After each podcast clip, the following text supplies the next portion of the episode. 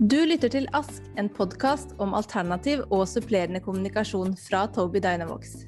Med denne podkasten ønsker vi økt fokus på Ask, i tillegg til å spre informasjon, tips og triks knyttet til Ask og Ask-bruk. Podkasten er med meg, Katrine Redi, logoped og Ask-ansvarlig. Og meg, Kristian Solheim, hjelpemiddelkonsulent. Vårt oppdrag er å gi mennesker med nedsatt funksjonsevne mulighet til å gjøre det de en gang gjorde, eller gjør det de aldri trodde var mulig.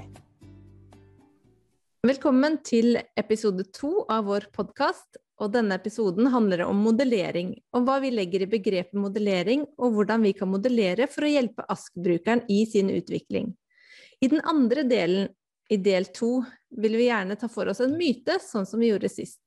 Og I denne episoden tar vi for oss myten om at det er nok med bare noe tale eller noen uttrykk for å dekke grunnleggende behov. Og til dere som hører på og ikke har hørt den første episoden, gå gjerne inn og hør på oss om hva ASK er. Som du sa i innledningen her nå, så skal vi snakke om eh, modellering. Og ordet modellering det kan jo bety eh, så mangt, men det vi skal snakke om her nå i dag, det er modellering for læring. Så for andre podkaster tar seg av eh, kunstmodellering, matematisk modellering osv. Så, videre. så hva legger vi i begrepet modellering? Modellering kan kanskje forklares også som hjelpe språkstimulering, en læringsstrategi der vi som kommunikasjonspartnere modellerer kommunikasjonen eller språket ved berøring, bruk eller peking på en enhet, for ASK f.eks. Og det gjør vi da samtidig som vi snakker, så vi viser og snakker og bruker begge kommunikasjonsformene samtidig. Og den strategien er basert på en måte som vi naturlig lærer språk, eller andre ferdigheter som vi lærer oss i livet. Så sånn som det er å snakke til et barn og hjelpe dem å forstå og kommunisere med tale, viser en sånn strategi som det her, hvordan de bruker ASK-systemet sitt. Så vi da viser og peker samtidig som vi bruker talen vår. Er modellering noe som kun er tiltenkt de som har behov for eh, ASK? Nei, absolutt ikke. Det er kanskje at vi tenker at modellering er noen ting innenfor det pedagogiske fagfeltet og innenfor ASK-fagfeltet, men vi modellerer faktisk hele tiden, og modelleres for hele tiden. Hva tenkte dere sist gang dere lærte en ny ferdighet? Hvordan lærte dere det? Jeg spilte padeltennis for første gang i helga, og det enkleste da for meg var jo å være på banen der sammen med familien min og da ha en prøverunde og bli forklart hva reglene var, og hva poengsystemet var, før jeg da fikk prøve sjøl. Eller tenk hvordan det var første gang dere skulle bytte fra vinterdekk til sommerdekk på bilen. Det har vært veldig vanskelig hvis noen satte seg ned i sofaen hjemme sammen med dere og forklarte hvordan det skulle gjøres.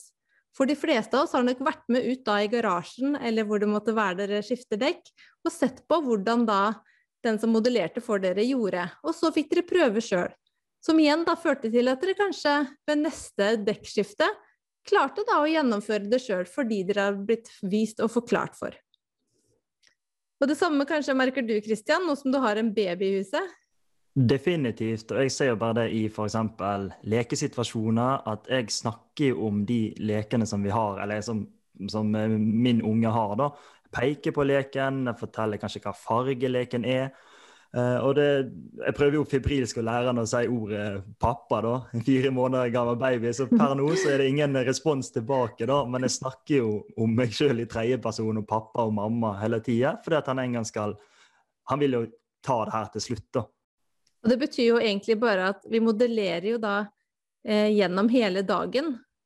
Og vi som kommunikasjonspartnere og ASK-brukere krever jo da at vi er i en motiverende aktivitet sammen, samtidig som vi da snakker og modellerer i situasjonen vi er i. Og det viktigste vil jo egentlig være å finne de helt naturlige situasjonene og omgivelsene som da er motiverende for ASK-brukeren, og ikke prøve kanskje å finne noen situasjoner som man finner opp for å prøve å lage noen ting for å øve på ASK, men da tenk da å sette dere i en situasjon som dere faktisk er eh, syns er motiverende og syns det er interessant for ASK-brukeren. For som jeg sa i stad, det ville jo vært veldig vanskelig å lære seg en ferdighet som når man er små og knytter skolisse f.eks. Hvis noen da bare skulle forklart deg hvordan du skulle gjøre det uten å vise det. Så tenk på det, gjør det i de naturlige situasjonene, og modeller der hele tiden. Og det kan jo f.eks. være har du en, eh, et hjelpemiddel, en talemaskin, som da brukes i barnehagen, og du tenker at å, hvordan skal vi få til den modelleringa her? vil kanskje det enkleste være å legge seg på gulvet sammen med det barnet med togbane, og da ha på maskinen, og så er det du som kommunikasjonspartner som da trykker på maskinen, f.eks. hver gang du sier 'Vil du kjøre med toget?' så trykker du på 'vil'. Og så ser du kanskje at barnet gjør et eller annet. Ja, nå ser jeg at du vil også kjøre på togbanen, så trykker du på ordet 'vil'. Gjør det enkelt og modeller gjennom hele dagen. Og Hvis vi ser på en uh, situasjon f.eks. å spille spill, så kan vi ta opp en uh, tematavle med spillrelaterte ordforråd. Og Det kan jo være ord som 'din tur', 'min tur', 'jeg vant', 'du vant'. Og Da er det kanskje vi som uh, kommunikasjonspartnere som først må da trykke på maskinen når jeg sier 'ja, nå er det min tur'. Så trykker jeg på maskinen, maskinen leser opp 'min tur', og på den måten så modellerer jeg bruken av selve maskinen. Og hvis ASK-brukeren da eh, viser med kroppsspråk, de blir ivrig, eller de viser at det her er noe de ikke vil, så er jeg òg flink å respondere på det som eh, eh ASK-brukeren prøver å, å, uttrykke. Kanskje nonverbalt òg. Og det er viktig å gi ASK-brukeren tid til å uttrykke seg. Ja, helt klart. Og det du sier er jo viktig å ta alle initiativ som ASK-brukeren gjør på kommunikasjon, uten at man da krever noe tilbake, men at det faktisk er du som kommunikasjonspartner som modellerer det som da du tenker at ASK-brukeren prøver å kommunisere. Og det er jo viktig å tenke på at modellering må skje i barnet eller elevens nærmeste utviklingssone. Dvs. Si at det som ligger mellom det nivået barnet eller eleven er på her og nå, det som eleven altså klarer å utføre alene, og det potensielle utviklingsnivået.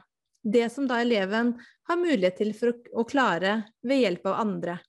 Og det er jo målet at eleven eller barnet da gradvis skal kunne utvikle den kunnskapen gjennom veiledning og tilrettelegging fra oss som kommunikasjonspartnere, til da å kunne bruke den kunnskapen de får selvstendig.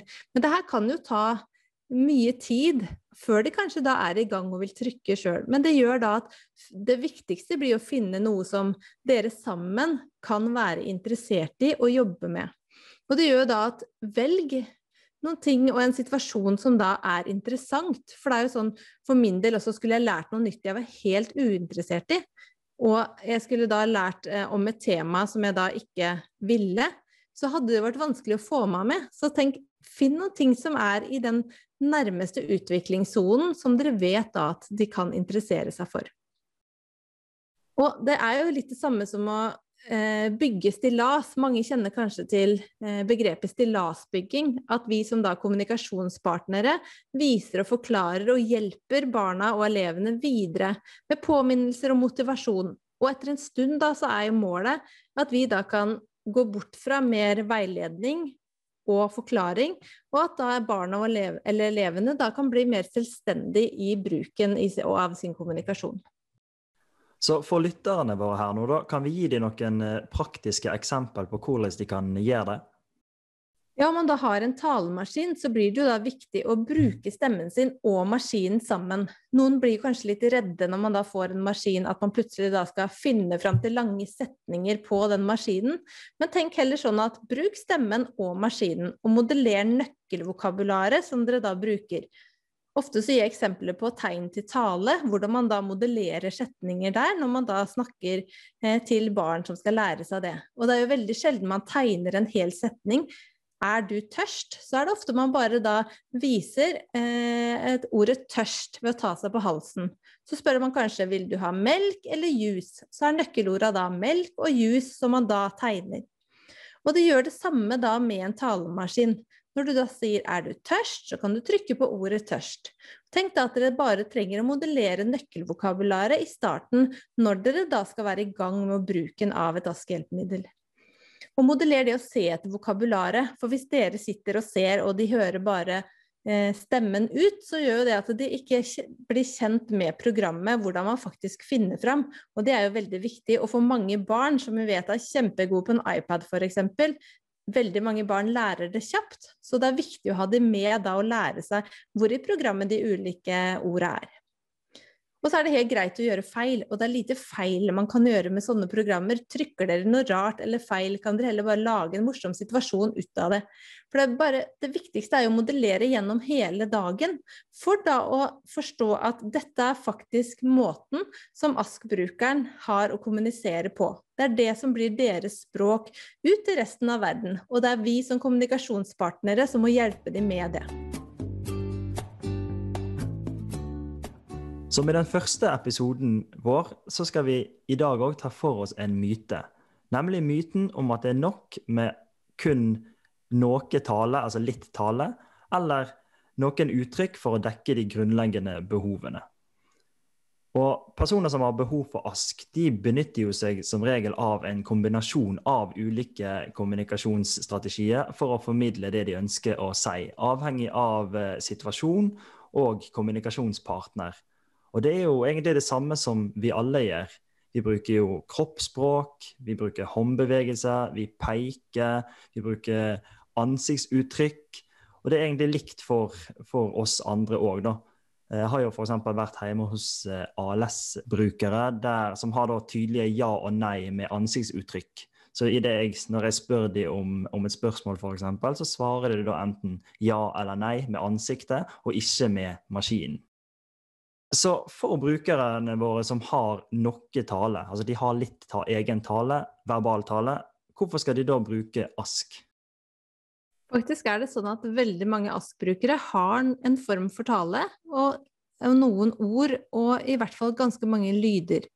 Men det blir faktisk veldig viktig for oss som kommunikasjonspartnere å da stille oss spørsmålet om talen er funksjonell nok til å delta i aktiviteter i hverdagen, om talen gjør dem i stand til å lære å utvikle språk, lese- og skriveferdigheter. Og det avhenger jo hvilket utgangspunkt ASK-brukeren har, om det er et barn f.eks. med autismespekterforstyrrelse som er i gang med å utvikle språket sitt, eller om det er en voksen med afasi som lærer seg språk på nytt. Jeg kan fortelle dere en historie om en gutt som eh, vi kan kalle Elias. Eh, Elias har en autismespekterforstyrrelse og går i tredje klasse. Og det meste av tida på skolen, så er han sammen med klassen sin. Og han bruker de ordene han har, i tillegg til håndbevegelser, for å kommunisere sine grunnleggende behov. Men veldig ofte så er ikke de metodene gode nok for å få uttrykt det han vil, og det ender da med at han tar tak i den som står nærmest, for å dra de med til det han vil vise, eller det han vil formidle. I tillegg så bruker han veldig mange gjentakende setninger fra favoritt-TV-programmet sitt, og gjentar da ord og fraser og setninger som han hører andre si. Og I den situasjonen syns de rundt Elias at det var nok at han hadde de ordene som han hadde for å kommunisere? Da var det sånn at kommunikasjonspartnerne enkelt kunne fortelle at det var veldig mange situasjoner der det ble vanskelig for Elias å uttrykke det han ville, og spesielt i sosiale situasjoner, fordi han da ikke fikk delt med seg de historiene og den informasjonen som han da ønska å gjøre. Og likevel så ønsket de rundt Elias at han da skulle bli mer selvstendig, og de forventet også at han skulle bli bedre på kommunikasjonen sin. Du sa òg at dette kan være en utfordring for eh, voksne. Ja, for jeg vet mange voksne med afasi, og ofte da så syns nærpersonene at det går helt fint å forstå de grunnleggende behovene personen med afasi måtte ha. Og jeg har da møtt, tenker spesielt på en dame som heter Eva, som jeg møtte, som da hadde fått afasi, men da fortsatt kunne lage kaffe og hente mat og kle på seg, og på den måten ta vare på egen familie og familiens daglige behov. Så nærpersonene følte da at det ikke var så stort problem med kommunikasjonen som Eva syntes selv. Og fordi at når hun da kommuniserte, så gjorde hun det på en litt sånn telegrafisk måte. F.eks. at hun da pekte eh, på kjøleskapet, sa butikk og mer. Og da forsto jo familien at ok, hun mener at vi trenger noen ting eh, som vi da har gått tom for, og at vi må dra og handle. Men spørsmålet ble jo da viktig å stille seg om det var godt nok for Eva. For hun hadde da to tenåringsdøtre og en mann som hadde, eh, hadde vanskeligheter for å forstå hva hun egentlig ville, og spesielt hva hun da mente med følelsene sine, og hun fikk jo heller da ikke stilt spørsmål. Så både for Elias og Eva ville det jo da være viktig for videre utvikling å ha tilgang på en mer grunnleggende behov, på mer enn de grunnleggende behovene, selv om de selvfølgelig er avgjørende for oss mennesker for å overleve. Men det er jo som regel ikke derfor vi kommuniserer, i hvert fall ikke normalt. Bare tenk på sist samtale som dere hadde med en venn eller med noen i familien. Det er veldig sjelden at vi da snakker om våre grunnleggende behov. Eller det kan kanskje diskuteres. Her hjemme så bor jeg da med to tenåringer og en 20-åring som er veldig opptatt av når det er mat, og hva det er til mat. Men når vi først har dekka de behovene, så tenker jeg at ofte burde vi hatt en turtakingsball, for at ikke alle skal snakke på én gang om hva som har skjedd den dagen, eller hva de skal gjøre neste dag. Og da er det jo veldig sjelden vi tar opp de grunnleggende behovene. Og det gjelder jo også for de som da har behov for ask. Det er som regel andre ting vi har lyst til å formidle, enn det som er akkurat der og da eh, i situasjonen vi er. Og jeg tror jeg har lyst til å trekke litt eh, paralleller til f.eks. tegn til tale. Vi, vi, hører jo ofte at en bruker han kan kanskje tegn til tale og har enkelte ord og uttrykk som de kan, som de kan eh, formidle. Men hva skjer da når denne personen skal bli uavhengig og skal på butikken for eksempel, eller kjøpe noe, og de som, skal, de som brukeren skal snakke med, ikke kan tegne til tale? Jo, da har vi jo fort en, en utfordring. Mm. Så hvordan kan vi oppsummere myten om at uh, det er nok med noen få uttrykk eller litt tale? Det finnes jo ingen bevis som viser at uh, bruk av ask vil hindre noen i å bruke eller utvikle naturlig tale, sånn som vi tok opp i forrige episode, i en av mytene der. Og ask vil faktisk kunne bidra til å gi de samme kommunikasjonsmulighetene til personer med begrensa naturlig tale, eller også for de som da begrenses av sin naturlige tale. Og ved å få tilgang på å uttrykke seg mer, vil personer med ask kunne etablere en nærmere tilknytning til andre, i tillegg da til å kunne ha bedre kontroll på omgivelsene sine. Og tilgang på mer språk vet vi at vil bidra til å utvikle språk-, lese- og skriveferdigheter. Så Christian, vil du oppsummere dagens tema? Det kan jeg. For forskningen den viser jo at eh, aktiv støtte, altså modellering, som vi har snakket om her i dag, da, til ASK, både for personer med erverva kommunikasjonsvansker og kommunikasjonspartneren, den øker da aksepten av eh, digitale hjelpemiddel. Det bidrar jo òg til å opprettholde sosial deltakelse i sosiale roller, både personlige og i eh, nærmiljøet. Hvis du vil ha flere tips og triks, så vil jeg absolutt anbefale at dere laster ned vår gratis hjelpeapp Pathways. Den finner dere enten i AppStore til iPaden deres, eller i Microsoft Store for en Windows-enhet. Hvis dere har synspunkter, kommentarer eller forslag til andre tema, så ikke nøl med å ta kontakt med meg og Katrine. Takk for oss. Ha det bra. Ha det bra.